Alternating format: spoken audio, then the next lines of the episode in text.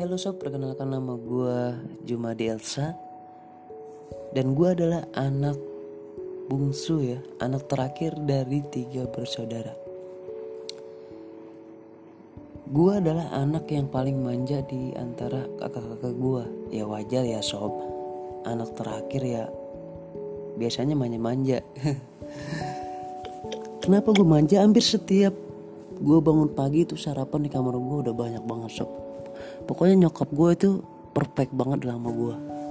Respect banget gitu sama gue ya. Setiap gue habis mandi pakaian udah disediain oleh nyokap gue. Dan gue hanya tinggal berdua dengan nyokap gue di rumah sedangkan bokap gue itu sudah meninggal sejak gue kelas 2 SMA dan ibu gue ini adalah pedagang pakaian keliling ya dari kampung ke kampung. Setelah gue lulus sekolah gue ngelamar kerja dan akhirnya alhamdulillah gue diterima kerja. 9 bulan gue menjalani kontrak kerja dan akhirnya gue diangkat jadi karyawan tetap di suatu eh, di suatu perusahaan swasta.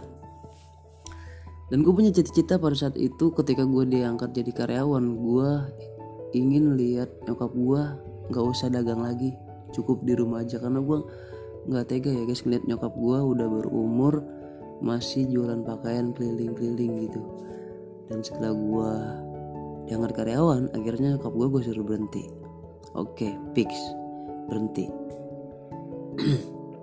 Dan setelah satu minggu kemudian nyokap gue telah berhenti berjualan di situ nyokap gue jatuh sakit sob dan akhirnya harus dibawa ke rumah sakit. Ketika ibu gua masuk rumah sakit dan kondisinya itu kritis. Ibu gue cuma minta satu permintaan sama gue. Permintaannya yaitu pengen lihat gue nikah. Di situ gue ngerasa kaget ya sob. Bagaimana gue mau nikah? Cewek aja kan gue nggak punya. Dan situ nyokap gue permintaan terakhirnya ingin melihat gue nikah. Ya udah demi orang tua demi ibu kesayangan gue gitu ya sob. Langsung oke okay, bu. Uh, saya bakal nikah secepatnya. Nah pada hari pertama di situ gue mulai chat-chat nyari kenalan nyari kenalan nyari kenalan. Ternyata hasilnya nihil. Hari kedua gue coba hubungin mantan mantan gue seenggaknya gue dulu pernah punya mantan dong waktu gue sekolah. Oke fix. Gue hubungin mantan gue dan ketika gue hubungin mantan gue gue ajakin nikah. Itu dia malah ketawa sob. Dia malah kayak gimana ya? Iya dikira itu gue itu bercanda nah, ngajakin dia nikah tapi ya gitu gue cuman dikira bercanda gitu. Dan hari kedua itu pun nihil. Tiba di hari keempat. Ke satu kedua hari keempat. Di di saat gue udah stres gue udah bingung cari mau cari ke mana lagi cewek yang mau gue ajak langsung nikah gitu sob. Gue bingung. Dan ketika gue sedang galau sedang bingung gitu tiba-tiba tiba-tiba itu ada inboxan masuk di Belanda Facebook gue ada satu permintaan pertemanan oke gue buka. Gue invite gue terima permintaan pertemanannya ternyata cewek itu sob. Dan setelah gue terima nggak lama dia langsung ngimbok gue imbokan pertamanya gue masih ingat halo kak. Nah gue balas halo juga. Nah akhirnya akhirnya gue ngobrol panjang waktu itu. Nah gue tanya-tanya ternyata dia kerja sob oke gue langsung fix. Besok gue pulang kerja dan kebetulan waktu itu satu sip ya sama-sama sip satu.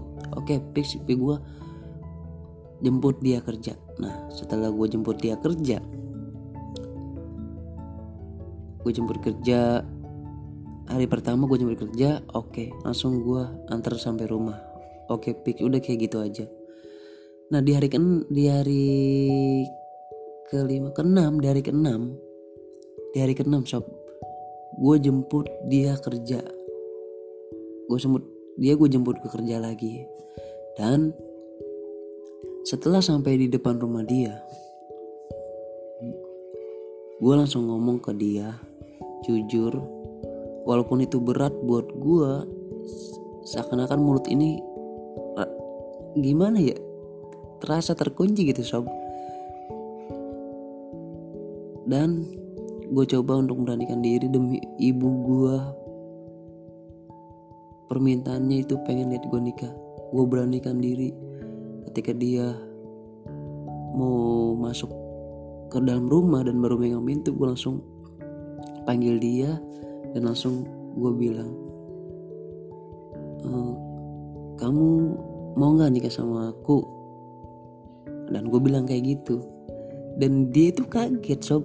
Dia itu kaget dia kaget bengong gitu. Sedangkan gue baru kenal gitu.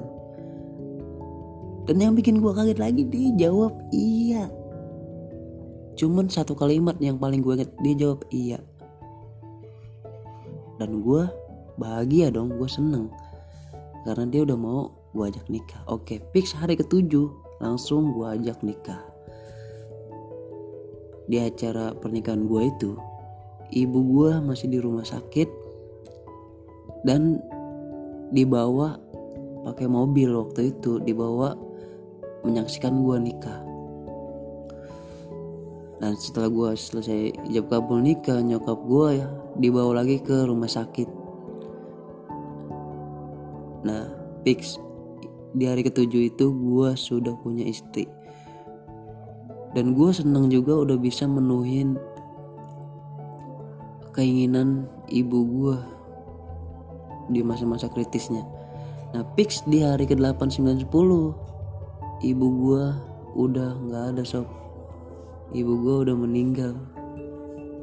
Di situ gue sedih banget gitu. Hati gue hancur banget gitu. Orang yang paling gue sayang ternyata dia udah ninggalin gue selamanya dan ternyata gue baru memahami gue baru paham kenapa permintaan dia terakhirnya itu pengen gue nikah. Karena gue itu anak bungsu anak terakhir anak yang paling manja. Ibu gue tuh takut ketika ibu gue udah gak ada gue udah gak ada yang ngurus. Gue udah gak ada yang nyiapin sarapan lagi gak ada yang nyiapin baju ketika gue selesai mandi dan pikiran nyokap gue setelah gue udah menikah gue ada yang ngurus. Dan bakal istri gue bakal ngadain posisi ibu gue dan gue baru paham itu ternyata permintaan ibu gue itu bukan tanpa alasan nih sob. Karena dia pengen intinya dia pengen gue ada yang ngurus. Dan akhirnya gue menikah sampai sekarang. Dan mungkin sampai di sini dulu cerita gue nanti bakal gue lanjut lagi. Masih banyak banyak cerita pengalaman pribadi gue yang gak kalah serunya. Dan ini adalah cerita pertama gue di an di aplikasi ini. Pokoknya gue